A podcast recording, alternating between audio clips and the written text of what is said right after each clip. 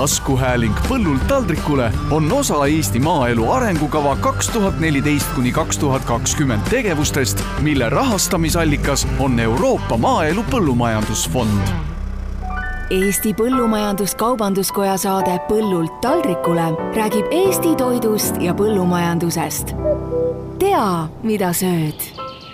tere täna on meil eetris Põllult taldrikule saade ja me räägime teraviljakasvatusest ja uurime ühtlasi, kuidas põllumees oma tegevuses arvestab keskkonnahoiu ja kliimamuutuste vähendamise nõuetega. ja selleks on mul saatesse kutsutud kolm külalist. esimene on Eesti Maaülikooli teadlane ja Eesti Põllumajanduse ja Kaubanduskoja teadusnõukogu liige Evelin Loit, tere Evelin! tervist! Ja ülejäänud kaks on meil Eesti Põllumajandus-Kaubanduskoja liikmed Põhara Agro põllumees Jaanus Põldmaa, tere Jaanus! tere! ja Rannu Seemne omanik Madis Ajajots, tere. Madis! ja mina olen saatejuht Juuli Nemvalts. Evelin, võib-olla ma küsingi sinu käest alustuseks ära selle, et eh, sa oled Eesti Põllumajandus-Kaubanduskoja teadusnõukogu liige, et milliste küsimuste või teemadega siis teadusnõukogu tegeleb? teadusnõukogu tegeleb siis noh, just selliste teemadega, mis aitavad äh, põllumehel teha siis äh, paremaid valikuid, õigemaid valikuid ja siis toetavad nende valikute tegemises, et just koondada kokku seda informatsiooni, mida on seal vaja, et kas siis olla keskkonnale sõbralikum, eh, samuti see, et kuidas eh, tulla toime muutuvate kliimaoludega, et nagu meie suved on, et ühed suved on sellised taimekasvataja sõbralikud, teised on rohkem sellised linnainimese ja turistisõbralikud. et kui me ütleme, et koda on siiski selline katusorganisatsioon põllumeeste tarbeks, siis võib öelda, et see teadusnõukogu on veel selline nagu nõustav faktor kõrval siis kojal? jah, absoluutselt ja samuti ka see ühine mõtlemine, et kui kõik äh, targad põllumehed tulevad kokku, siis sellises ühises mõtlemise ruumis tekib ka selline sünergia ja uued, uued ideed ja just see, ma arvan, on nagu üks hästi suur rikkus. teiseks kohe küsiksin Madise käest, et võib-olla just teeme täna selle tutvustuse, saatekülaliste tutvustuse läbi selliste küsimuste, et ma tean, et sa oled Maaülikooli juures viinud läbi õpilastega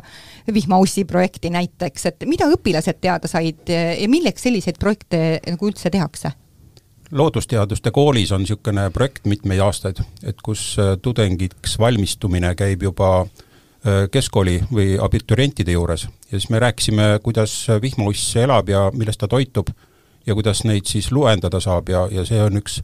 näitaja, mis põllumehi iseloomustab. kui vihmausse hästi palju on, siis see näitab head põllumeest. Jaanus, ma tean, et sul on agronoomi haridus, kas ilma selleta pole põllul mitte midagi suurt teha? Jah, mul on siin laua ääres istujatest kõige madalam haridus, et äh, aga võimalust kasutades alati kiidan Olustveret, et mul on agronoomi haridus Olustverest, et aga kas peab olema äh, see haridus, kindlasti on hea, aga ma arvan, et äh, põllumees on juba mitte ainult kutse, vaid ka haigus, ehk siis, et sa pead olema põllumeheks sündinud. paljaharidusega ka midagi ei tee.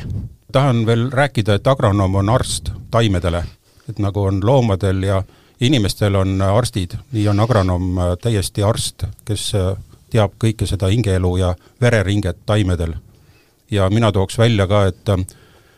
Lydia Koidulal on üks luuletus ja Ruja on teinud laulu, laulu ka peale sinna, et muld on taime süda, et tegelikult see niimoodi on ka. et kui sa niimoodi mõtlema hakkad, siis see agronoom on ikka päris arst taimedele kui me nüüd vaatame seda teraviljakasvatust eh, ja varem öeldi Eesti kohta, et Eesti oli nagu kartulivabariik, nüüd on küll need eh, kaalukausid muutunud, kas võib öelda, et Eesti on nisuvabariigiks saanud? tarbija on kuningas, et maru raske on seda kartulit koorida. Ja tegelikult ei tehta enam füüsilist tööd väga palju, kõik on arvuti peal. Ja tegelikult see kartuli väärtus ongi nagu rohkem nisu peale läinud, et tarbija ise on suunanud meid, põllumehi, sinna nisu poole. Palju lihtsam on makaronid keema panna, äh, pitsat võtta või hamburgerit süüa, et äh, tegelikult on see tarbija ise suunanud, küll see põllumees väga kiiresti järgi tuleb, kui tarbija ütleb, et teeme nüüd teistmoodi. aga see on minu arust teadlik valik olnud tarbija poolt, et see, see on nisu peale läinud niimoodi ja noh, tegelikult ju kindlasti peab ka seda ütlema, et, et põllumehel on elu niikuinii selline kõikuv tuulte käes. et nii-öelda see taevas olev aktsionär mõjutab kogu aeg meie tootmist, aga samal ajal siis nüüd, kui lõpp-produkti müümine oleks kindlam ja, ja see, et me siin vist aastakümneid tagasi sisenemisi, sisenesime börsile et see ka kindlasti on ju nüüd võrreldes kartuliga, et kartulit me börsil ei müü, aga vilja müüme, see annab kindluse, et, et kartulikasvataja ikkagi sõltub väga palju sellest, kui palju meie äh, kaasriiklased ehk poolakad või näiteks odavamalt oma kartulit müüvad. Et aga, aga viljaga on ikkagi see, et ma saan aastareegi teda kinni panna ja see annab nagu teatud kindluse, et ma arvan ka sellepärast võib-olla on see teraviljakasvatus kogu aeg nüüd hoogu juurde saanud kui suure keskkonnakoormuse me oma põldudel nagu põllumajandusliku tegevusega tekitame, kas seda jälje, jalajälge on nagu või jälge on mõõdetud ka? no kindlasti, kui me võtame seda, kui agronoom on arst, siis selle mulla, kõik see eluring ja, ja selle vereringe ja ja tegelikult mullaproove võetakse alati, see on mustvalgel kõik olemas. lehtedest võetakse ka analüüse, et see on mustvalgel kõik olemas ja kui seal mingi puudus on, siis äh, agronoom kui arst sekkub sellesse, nagu tavaelus on. et äh, see ring on kindlasti väga lähedane inimese või loomaga, see taime ravimine ja ja kõik see vaktsiinid ja, ja, ja see on kõik põllu peal täpselt samamoodi, on apteegid, on toitu on vaja osta taimele, et need äh, kõik on tegelikult ülevõetavad ka tavaelust noh, kuigi ma, mm, või noh, ma arvan, et, et see, see jalajälg nüüd võrreldes selle ajalooga, et, et kui nüüd jälle arstiga võrrelda, siis meie elukutset, et noh, ma saan aru, et varasemalt suhtuti kümneid aastaid tagasi selliselt, et peodes ravimeid ja küll ta on terve, siis noh, täna me arstiga võrreldes ütleme, et me ikkagi ennem vaatame, mis see haigus sul on. Ja siis anname täpselt nii palju ravimeid, kui vaja on, et, et noh, see jalajälg ma loodan, et täna on ta kindlasti poole, kui mitte veel rohkem väiksem, kui ta oli kunagi ennem. siit on kohe mul järgmine küsimus ka, et et kui ekspansiivne on Eesti teraviljakasvatus, kui me ennast positsioneerime Euroopa Liidus või muu maailmaga võrreldes? kas meil üldse on ekspansiivne? Ma arvan, et praegu tegelikult me oleme üsna sellise optimaalse piiri juba saavutanud, et arvestades seda, et Eestis põllumajandusmaad on, ütleme, laias laastus üks miljon hektarit ja võtame juurde, et me ei saa kasvatada nisu monokultuurina, nii et igal aastal on nisud, on kindlasti rotatsioonis ja me kasvatame ju lisaks ka õlikultuure ja, ja teisi äh, kõrrelisi, et siis äh, sellega seoses ma arvan, et see nisupind meil enam väga palju tõusmas äh, ei ole ja noh, kui võrrelda nüüd Euroopa kontekstis, et siis noh, tegelikult Eesti põllumajanduspind on juba nii väike, et tegelikult Euroopa kontekstis me oleme üsna, äh, üsna väikesed. et tegelikult me ei saa rääkida, et ma nüüd väga kurnaks, meil on ikkagi väga tasakaalus see jah, mina arvan küll, et on äh, väga tasakaalus ja tegelikult ju iga põllumees enne hooaja algust teeb ju väga hoolikad kalkulatsioonid, ehk siis et kui me arvestame, et me sügisel äh, põllult koristame teatud hulga teravilja, teatud hulga nisu, millest lõpuks saab siis see sai,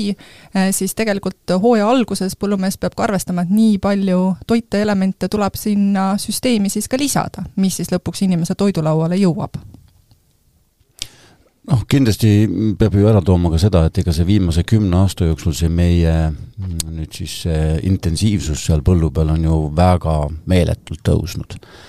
samal ajal, kui vaadates nüüd Euroopa poole peale, suheldes näiteks heade põllumeeste, heade sõpradega Euroopas, siis seal ma nüüd ju olen ju kuulnud viimase viie aasta jooksul, et tegelikult tõmmatakse tagasi. ja, ja ma usun, et ka meie oleme praktiliselt oma intensiivsuse lae ära saavutanud ja see tagasitõmbumine tegelikult intensiivsuses toimubki selle keskkonnasäästu koha pealt Äh, ei, ei ole lubatud enam kasutada nii efektiivseid taimekaitsevahendeid ja, ja sellest tulenevalt põllumees hakkabki ennast tagasi tõmbama, sest ta teab, et et ta ei saa oma taime enam äh, kaitsta ei haiguste ega putukate eest nii intensiivselt, kui vaja on, me peame oma arvestused ümber tegema. mina arvan, et me oleme täna tipus ja me nüüd hakkame minema oma saagikustelt ikkagi nõks tagasi, aga see on minu arvamus et toon ühe hea näite, et äh, tegelen hästi palju koostöös mesinikega ja mesinikud ütlevad, et Tartumaale ei mahu ära enam mesilased, sest neid on nii palju, et tuleb äh, äri ajada kuskil mujal, kus äh, mahuvad mesilased ära, et me oleme väga head tööd teinud, et mesilastega me oleme head sõbrad ja on olnud, ma tean, mitu-mitu aastat, kus ei ole ka põllumajandustegevuse tõttu ju hukkunud mesilaste peresid. et see on väga, väga hea üks näitaja, indikaator.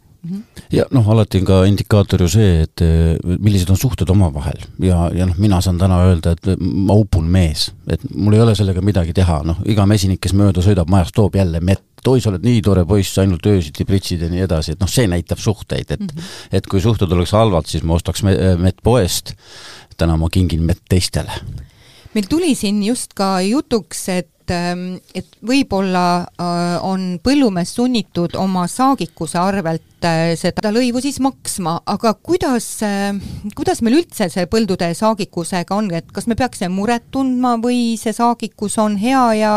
võiks tegelikult pikas perspektiivis tõusta? no praegu täna Eesti keskmine nisusaagikus on seal neli tonni, võib-olla natukene peale, mis küll tuleb nagu nii siis nagu väikeste saakide ja suurte saakide keskmisena, eks ole, samas kui võtta Eesti rekord täna on üksteist koma üheksa tonni hektarilt, mis on ka võimalik. Eks ta nii on, et, et ühelt poolt tuleb leida see tasakaal, samas kui me võtame juurde selle, et klimaatilised tingimused, nagu mudelid täna meile näitavad, siis tegelikult on lootust, et saagikus võiks tõusta, noh arvestades siis, nagu Jaanus enne ütles, neid taevaseid aktsionäre, ja samuti ka sordiaretus tuleb ja pakub meile võimalusi juurde, mis ma arvan, et noh, teaduse vaates meie keskmised saagikused lähiaastatel võiksid tõusta. Samas äh, ma just ise mõtlen selle saagikusega, et kui ma olen lugenud Inglismaal saagikust, siis seal on ju hoopis teistsugused, seal on kordades suuremad on need äh, tonnid ja ma mõtlen, et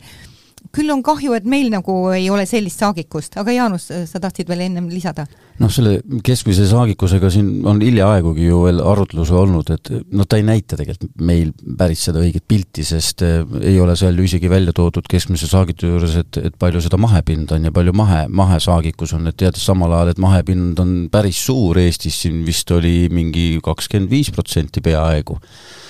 et äh, ma arvan, et nii-öelda see noh, kas me võime öelda intensiivtootmine, aga see põllu, ütleme selline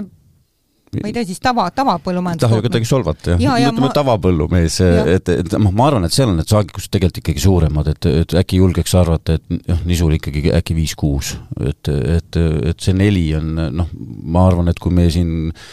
kaks põllumeest üksteisele otsa vaatame, ütleksime, et me saime neli, et siis me oleks täna ikka, ma, ma, ma oleks vist jala tulnud siia, sest bussiraha ka poleks olnud. ja Madis? et Inglismaal on natukene vegetatsioon kauem et äh, juba veebruaris saavad põllu peale ja et seda aega taimel kasvada natuke rohkem, et me tuleme siia põhja poole, et äh, meie peame väga kiiresti ja väga täpselt äh, reageerima selle taime kasvuga. taim on nagu väike beebi, sa pead ühe vegetatsiooni ajal selle kõik talle pakkuma väga kiiresti ja väga täpselt. et kui see teadus väga täpseks läheb, et siis meil saagid on ka kindlasti natuke ökonoomsemad ja, ja tulevad ka suuremad mm ma tooksin Inglismaaga võrreldes siia ühe näite aastast äh, kaks tuhat üheksateist, äh, kui siis Eesti põllud võistlesid koos Inglismaa põldudega. Ja siis äh, Saaremaal õnnestus saada kaheksakümmend kuus protsenti potentsiaalsest saagikusest. see oli siis üheksa koma kuus tonni hektarilt, võrreldes siis sama sort samal aastal Inglismaal andis kuusteist ja natuke peale eh, tonni. ja see nagu näitab väga hästi ära, et see potentsiaal meil ongi, no ma arvan, see üksteist kuni kaksteist ongi see potentsiaal Eestis, arvestades, et me teeme kõik õigel tähendab, see kõik, mis selle potentsiaali annab, on siis ilmastikutingimused, samuti mullastikutingimused, et need annavad selle potentsiaali ja siis see, kas me seda realiseerime, see siis tuleb juba sellest äh, tarkusest, äh, põllumehe tarkusest ja, ja oskustest. aga millised on trendid meil, äh, kui me räägime nüüd sellest teraviljakasvatusest, et kas on ka rohkem keskkonda säästvamaid või kestlikemaid tegevusi? No ma arvan ikkagi keskkonna säästvamaid, et, et juba see lähenemine, et me teeme siis nii-öelda hektaripõhist või hektarile vajadu-, vaja, vajaduspõhist nii-öelda väetamist, et see on ju ikkagi keskkonda säästev, et ühelt poolt me loomulikult tahame saada maksimumi, samal ajal me teavitame endale, et, et ei ole mõtet nii palju väetist panna kohta, kust ei tule, et, et me ühelt poolt kindlasti ikkagi loomulikult me oleme ettevõtjad, ärimehed, kui tohiks ennast nii nimetada, tahame ikka ju kasu saada.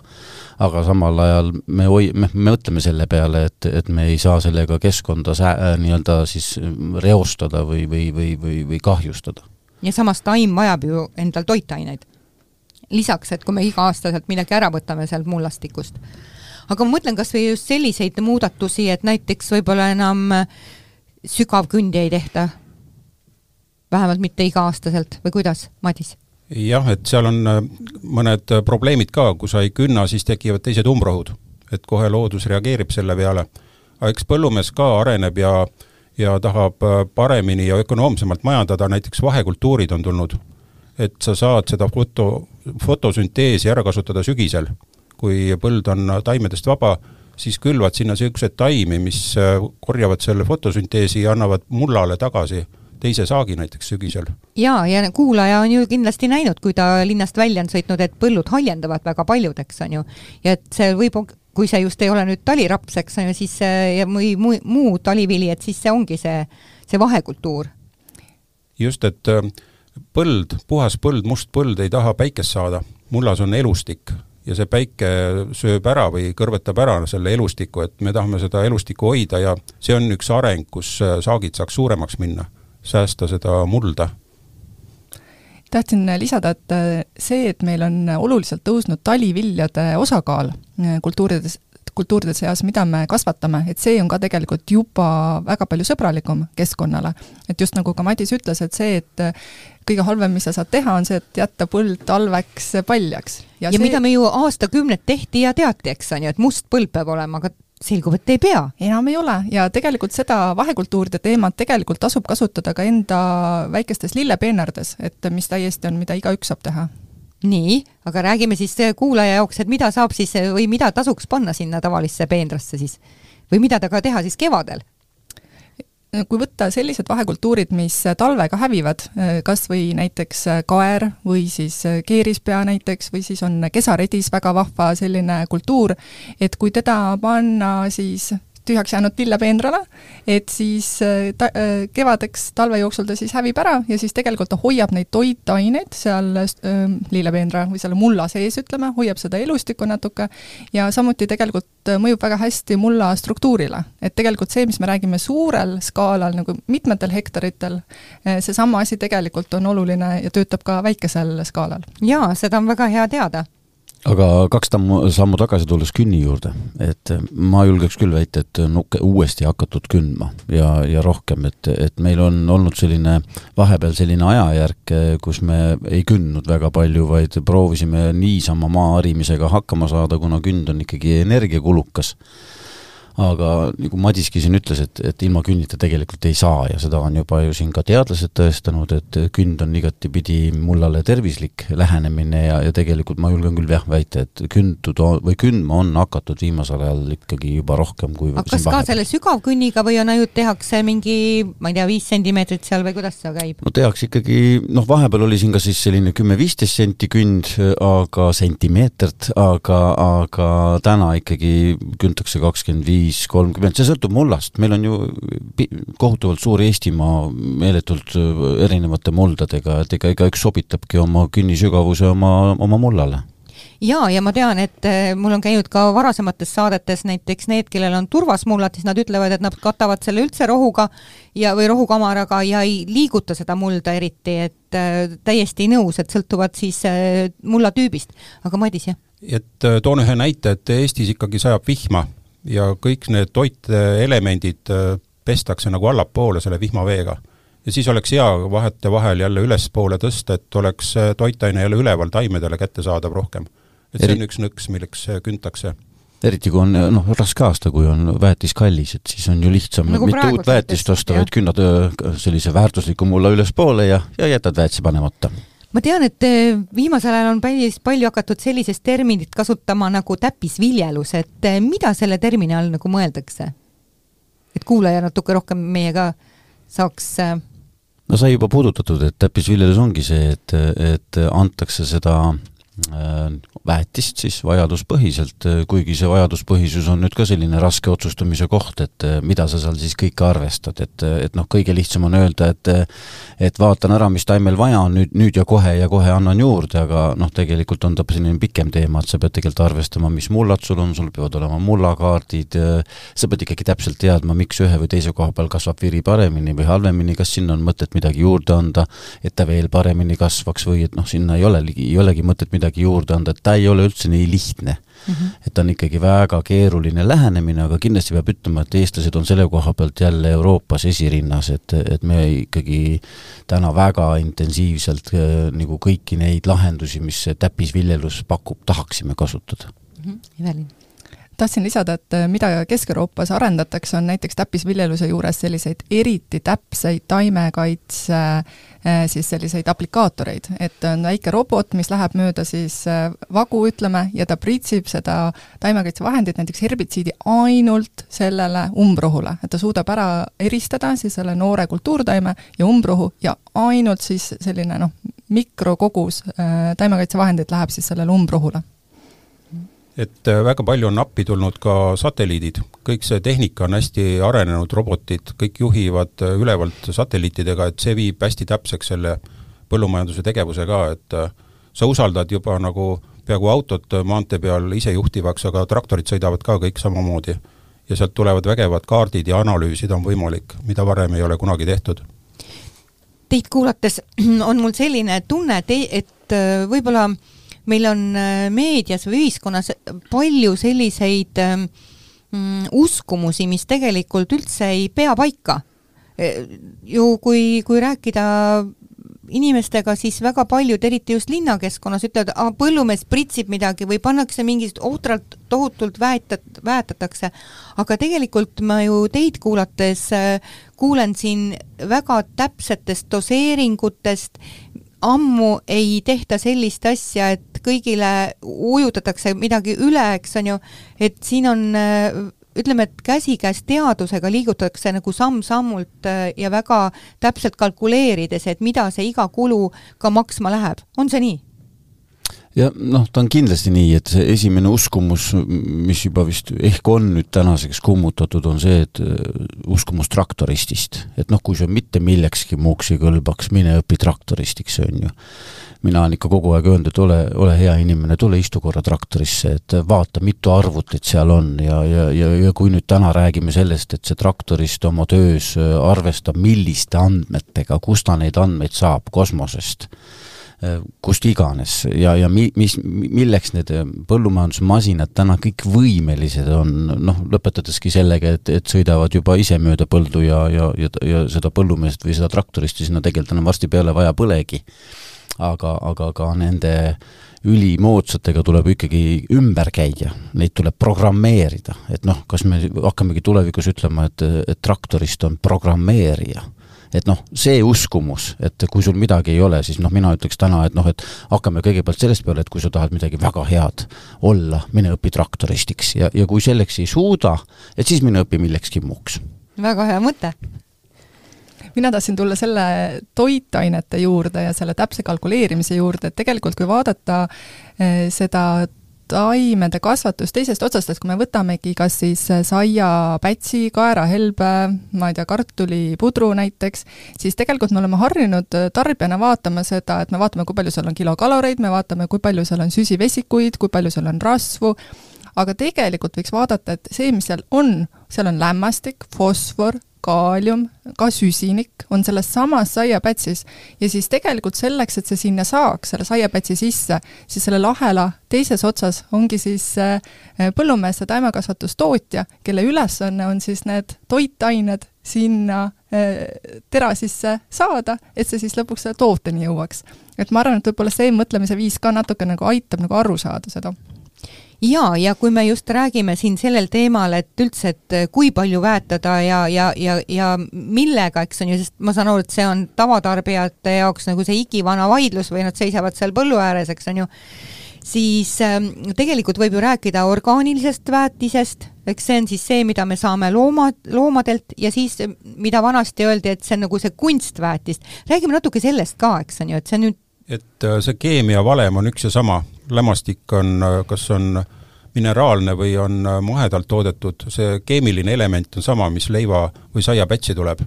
et selles ongi nüüd tarbija valik, kas ta tahab osta seda mahedana, teeb meie elu kallimaks kindlasti, kui tarbija selle nõus kinni maksma on, põllumees teeks seda kohe iga päev. aga praegu on just see tarbija on kuningas. kui tarbija on öelnud, et talle see sobib, siis põllumees sellele vastu ei seisa ma ise olen tootjana nii mahe kui, kui siis mitte mahe ja, ja samal ajal, kui minu käest küsitakse alati, et mis see vahe on, on ju, siis ma nagu olengi öelnud, et, et üks asi on jah, et kas see mahevili on saanud sõnnikut ja kui ei,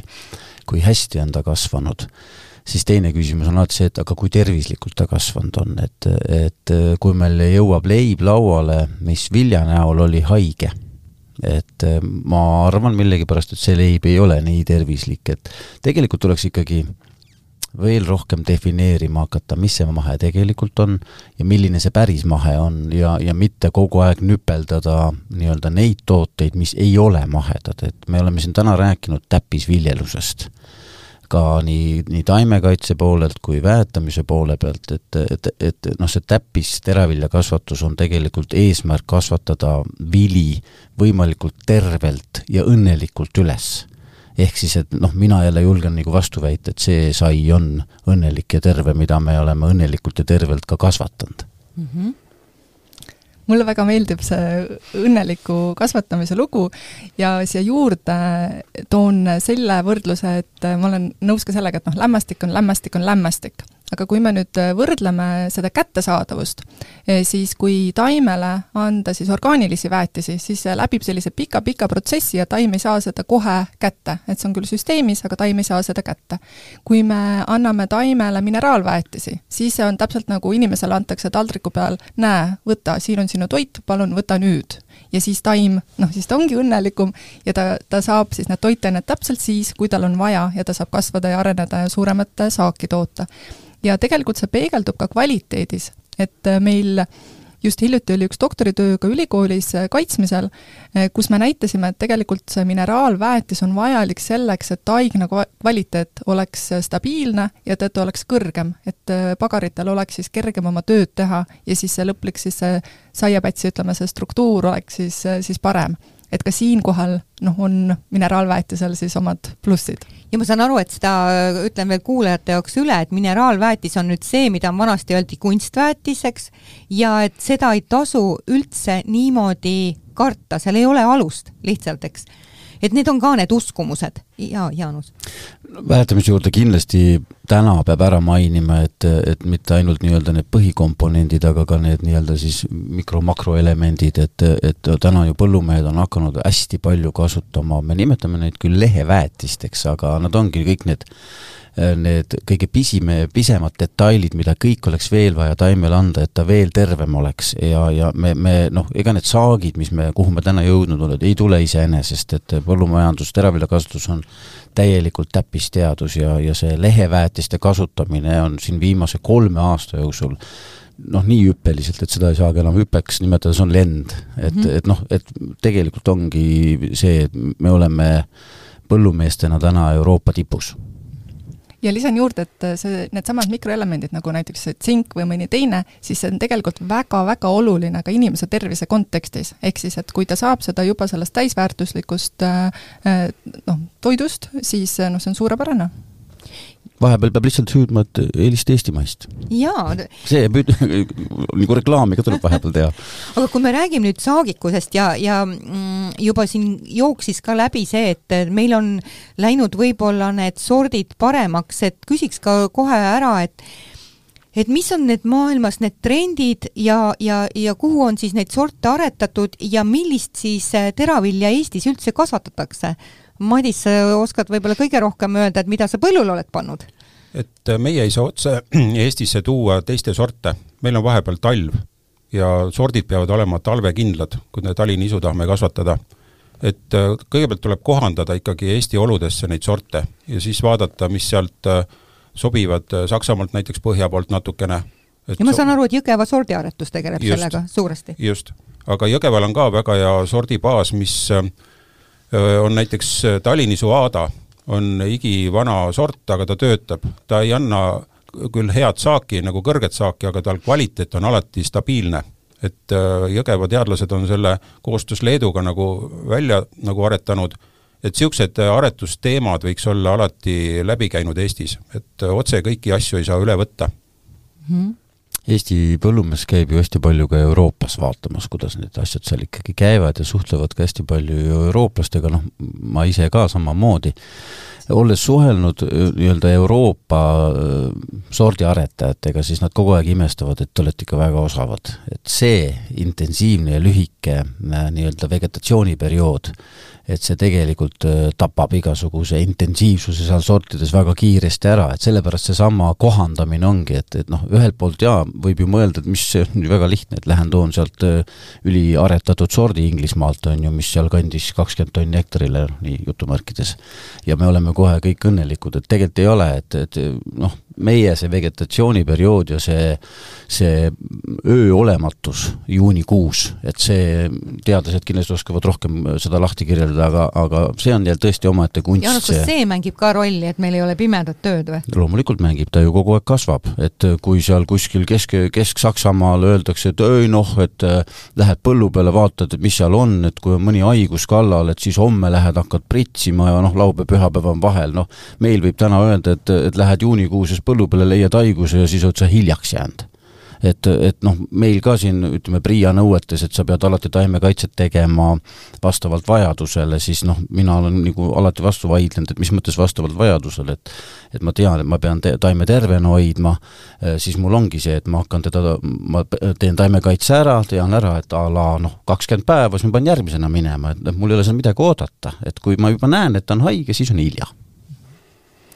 Et jah, see pime aeg on tegelikult see, mida taimel on vaja siis sellise kuivaine äh, tootmiseks, kui nii, nii öelda, et fotosünteesil on sellised kaks osa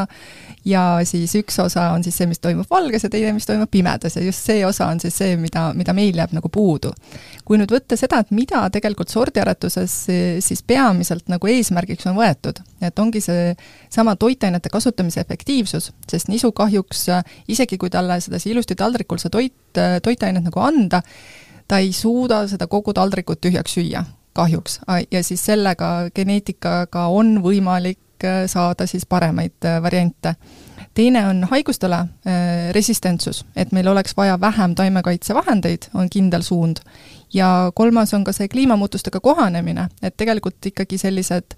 ekstreemsed ilmastikuolud, samuti põud on see, mis nagu eriti Kesk-Euroopat, noh, ja Kesk-Euroopas on suuremad äh, aretajad, et see on see teema, millega, millega tegeletakse. ja viimane on ka see tera kvaliteet, et ikkagi see, mis tarbija jaoks on ka oluline, ka see on siis tegelikult nende sortide aretamise eesmärkides kindlasti sees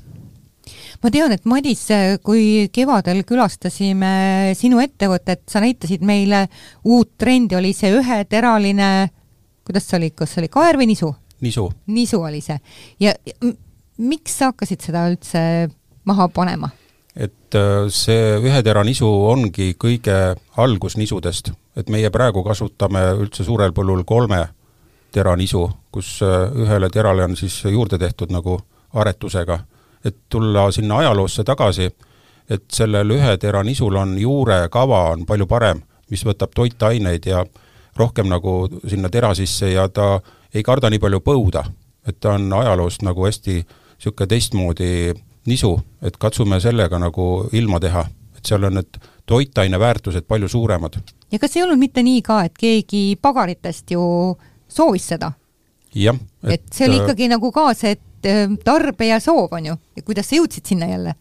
just, et me tegeleme seemnekasvatusega ja seemnekasvatuses on täpsus hästi tähtis ja nende uute asjade tegemisel tuleb ka täpsus taga ajada. et sellepärast pagarid tulidki lõpuks meie juurde, et äh, saada niisugust äh, kvaliteetset teemat ja ajalugu juurde saada. et see, see on niisugune uus trend me küll rääkisime põgusalt siin, et millal seda taimel, seda taimekaitsevahendit panna, aga räägime natukene veel, kuna minu meelest on ühiskonnas päris palju hirmusid ja põllumehed on öelnud, et see on natuke hakanud vähenema, et enam selle taimepritsi kõrval ei tehta pilte ja ja seal ei olda tohutus äh, sellises äh, mures ja ei post-, ei tehta juba, juba sotsiaalmeediasse postitusi, aga võiks seda natuke rohkem lahti rääkida? taimekaitse, kui nüüd taimekaitsepritsi nähes et äh, elu on hästi palju muutunud. juba, juba see, et me oleme mesinikele suured sõbrad, et noh, see ongi, elu on muutunud küll selles mõttes äh, põllumehe vaenulikuks, et äh, ta peab ka öösel tööd tegema. aga noh, see taimekaitsetööde tegemine öösel on, on väga-väga mitmeti õigustatud ja teine asi on see, et nähes taimekaitsepritsi, siis noh, kui me võime öelda, et siin täna kabedamad või kibedamad mehed sõidavad viis-kuus korda pritsiga üle põllu, siis ega nad alati ei pane nii-öelda mingit taimekaitsevahendit, vaid eh, võib-olla siin esimesed korrad on üldse sellised turgutusvahendid, jälle needsamad leheväetised, et et ja võib-olla noh, võib-olla mida siis selline mitteteadja inimene kõige rohkem kaitseb, just sellised võib-olla putuka tõrjumis eh, nii-öelda vahendeid, noh need on täna läinud nii, nii eh, keskkonnasõbralikuks, et neid, neid sealt võid alati sissesegamisel lonksu ise ka võtta, et noh, võib-olla kukuvad äh, puugid paremini maha pealt, et, et noh, see elu on läinud täna nii keskkonda säästvaks ka põllumajanduses, et, et seda taimekaitsepritsi tõesti ei pea prit-, äh, kartma. Tahaks veel kuulajatele selle üle öelda, et ütleme, need sellised putukad, kes söövad selle tärkava taime esimese hooga ära, et need on ikkagi väga tõsine teema ja ma tean, et minu meelest Eestis suvirapsi just tänu sellele ei kasvatata, sest ta ju, taim tärkab selles eas, kus on väga aktiivsed kõik need satikad, kes lihtsalt äh, teevad üks-null, nagu öeldakse sellega, et targem on juba panna talirapsi ja taim on siis palju suurem ja tugevam ja enam mitte nii ahvatlevam äh, söödikutele. Just, kui sa koduski kapsataime istutad, siis seal maakirp tuleb kohe kallale, et ta võib väga ilusa mustri teha sellele lehele, aga kas seda kapsast enam sealt tuleb, et põllu peal on täpselt sama lugu. et äh, suviraps on tõesti jah, väga erandlikul korral, kui midagi põlluga juhtub, talv ära võtab talirapsi, et siis külvad suvivariante. et talve variantidega on kindlasti saagid suuremad ja, ja taimekaitset on ka vähem kindlasti kasutada ja ja kindlasti mesina, mesi nikud on väga rahul, et just sellel õigel korje ajal ei ole seda pritsimist, et äh, külmal ajal saab talirapsil kõik need äh, kevadel tööd ära teha, et see on ka üks äh, hea märk. kas meil on olemas ka mingid indikaatorid, mille järgi me saamegi kinnitust, et taimekaitsevahend, vahendite kasutamine on olnud tasakaalus ja, ja just soovitud eesmärkidele vastavalt ja arvestab ka keskkonnaga? üks on, ma tean, need mesilased, kas on veel midagi? noh, taim ise kui ta on terve, rõõmus ja rõõsa, noh, taimekohad siis rõõmus ja roheline, noh, see näitab, et kõik on ju ühelt poolt hästi. ja teine asi on jälle see alguses räägitud, see, et me oleme börsil ja me peame müüma kvaliteetset vilja, seda, seda nisu kontrollitakse ette ja taha, noh, talle tehakse ikka täisröntgen siis, kui ta müüki läheb, nii-öelda võrreldes selle inimesega, et et, et noh, sellest, noh, see ongi ju indikaator. et toon siin ühe näite, et kui taliviljad on ikkagi külvatud, siis äh, koormus, taimekaitse koormus taimele jääb väiksem ja põllulinnud on kaitstud. sügisel neid lihtsalt ei ole, nad on mujal. et kevadel säästa neid, et siis on taliviljad alati paremad põllulindude kaitseks ja no üldse linnud, et kui täna põllu peal tööd teha, et, et sa näed ju kogu aeg lindu, looma, kui sa künnad, sa näed vihmaussi, noh, see on kõik indikaator. see, see, kui, kui, kui sa midagi valesti teeks, siis elu ei oleks, noh, ja kui elu ei oleks, ei oleks vilja ka. Et ega me ei saa, me ei saa suhtuda nagu niimoodi kuidagi ülevalvalt või ainult kasuahnelt oma töösse, et me peame kogu aeg arvestama, et sa pead säilitama selle elukeskkonna kõigi jaoks ja siis oled sa lõpuks ka ise kasumlik. Tahtsin siia juurde tuua, et äh, tegelikult äh, see on ka üks märk, et Eesti on äh, Euroopa Liidu riikidest see riik, kes kasutab kõige, põhimõtteliselt praktiliselt kõige vähem taimekaitsevahendeid. Ja et selle juures me suudame need saagid ja need kvaliteedid koju tuua, et see on juba üks indikaator. Ja võib-olla ka üks teadusnäide ka siia juurde, et me oleme teinud oma katsepõllul näiteks uurinud mullas mikroorganismide mitmekesisust ja vaadanud, et võrrelnud siis variante, kus meil on mineraalväetised, ehk siis me anname taimele süüa ja ka kaitseme teda haiguste ja putukate eest, kui on vaja, ja kõrvale siis maheviljeluse variant ja tegelikult on nii, et kui taim on korralikult toit, toidetud, korralikult toitunud ja siis see taimekaitsevahendite mõju tegelikult ei avaldu mulla mikroorganismides, vaid pigem me näeme mitmekesisuse suurenemist, mis näitab siis seda keskkonna toetamist just meil hakkab äh, paraku saateaeg otsa saama, et kas teil on veel lisada midagi, äh, mis jäi võib-olla käsitlemata või millele tahate tähelepanu veel pöörata? Toon ühe näite, kuidas minu rukis jõuab peremehe leiba et olen teadlikult valinud ühe sordi, mis on hübriidsort ja tema idanemisel on magusam tärklis või suhkrud on magusamad ja sellest tehakse peremehe leiba, et seal ei ole kasutatud ka pärmi. et niisugune toode tuleb põllumehe käest otse Eestis. oo, väga hea mina tooks juurde, et tegelikult biomajanduse kontekstis on teravili väga väärtuslik ressurss, millega me suudame teha veel palju-palju rohkem, kui me täna suudame, et võrreldes eh, lisaks nendele küpsetistele, mis me teeme, siis eh, suur, me võiksime võtta osa sellest, mis me täna ekspordime, me võiksime seda väärindada rohkem Eestis, kas siis kiudaineteks või valguks või millekski muuks, et siin on kõvasti eh, sellist tulevikutööd veel teha. Kas see tuleks siis rohkem, ütleme, sellist biomajandust mõtled praegu rohkem biogaasi tootmisel või millest veel? Äh, pigem äh, näiteks terast, et tera saaks äh, lisaks siis küpsetisele, me võiksime teda võib-olla siis no kaks varianti, et üks on see, kas me suurendame näiteks kiudainete osakaalu juba selles teras, et see oleks siis juba parema väärtusega, või siis näiteks eraldadagi kas kiudained või valk siis sellest terast ja siis teha sellest siis juba noh, omaette tooteid, tooteid.. -hmm, jaa -hmm. et see on kindlasti selline avastamata või noh, alles nagu jah, ja alustamisjärgus Eestis vähemalt, et tõesti tooks rohkem äh, raha pärast jälle, jäetaks Eestisse, väga hea mõte. ja noh, kindlasti on ka ikkagi äärmiselt oluline, et me ei, me ei tooda me ju mitte ainult süüa, me toodame ka emotsioone, selles mõttes, et äh, tulge linnast välja, sõitke ringi, nautige ilusaid äh, põlluvaateid, ja kui siin võib-olla mõnikord öeldakse, et, et, et ärge minge sellega hernest sööma ja ärge sõkkude vilja maha ja noh, jaa, meile ei meeldi, kui meie asjades niimoodi ringi kõnnitakse, aga meil ei ole kindlasti midagi selle vastu, kui sa lähed, võtad peotäie vilja ja paned vaasi, et see on Eesti vili, et see on ilus. et selles mõttes noh, tulebki osata näha ilu, et mitte otsida pritse, taimekaitsepritse mööda põldu, vaid vaadake seda ilu. sõitke hommikul, sõitke õhtul, vaadake udumaas neid viljapõlde ja nende heade mõtetega jääme siinkord hüvasti ja meil olid saates Eesti Maaülikooli teadlane ja Eesti Põllumajandus-Kaubanduskoja teadusnõukogu liige Evelin Loit ja Eesti Põllumajandus-Kaubanduskoja liikmed Jaanus Põldmaa ja Madis Ajaots. mina olen saatejuht Juuli Nemvalts. saade on eetris Maaeluministeeriumi toetusel Eesti Põllumajandus-Kaubanduskoja saade Põllult taldrikule räägib Eesti toidust ja põllumajandusest. tea, mida sööd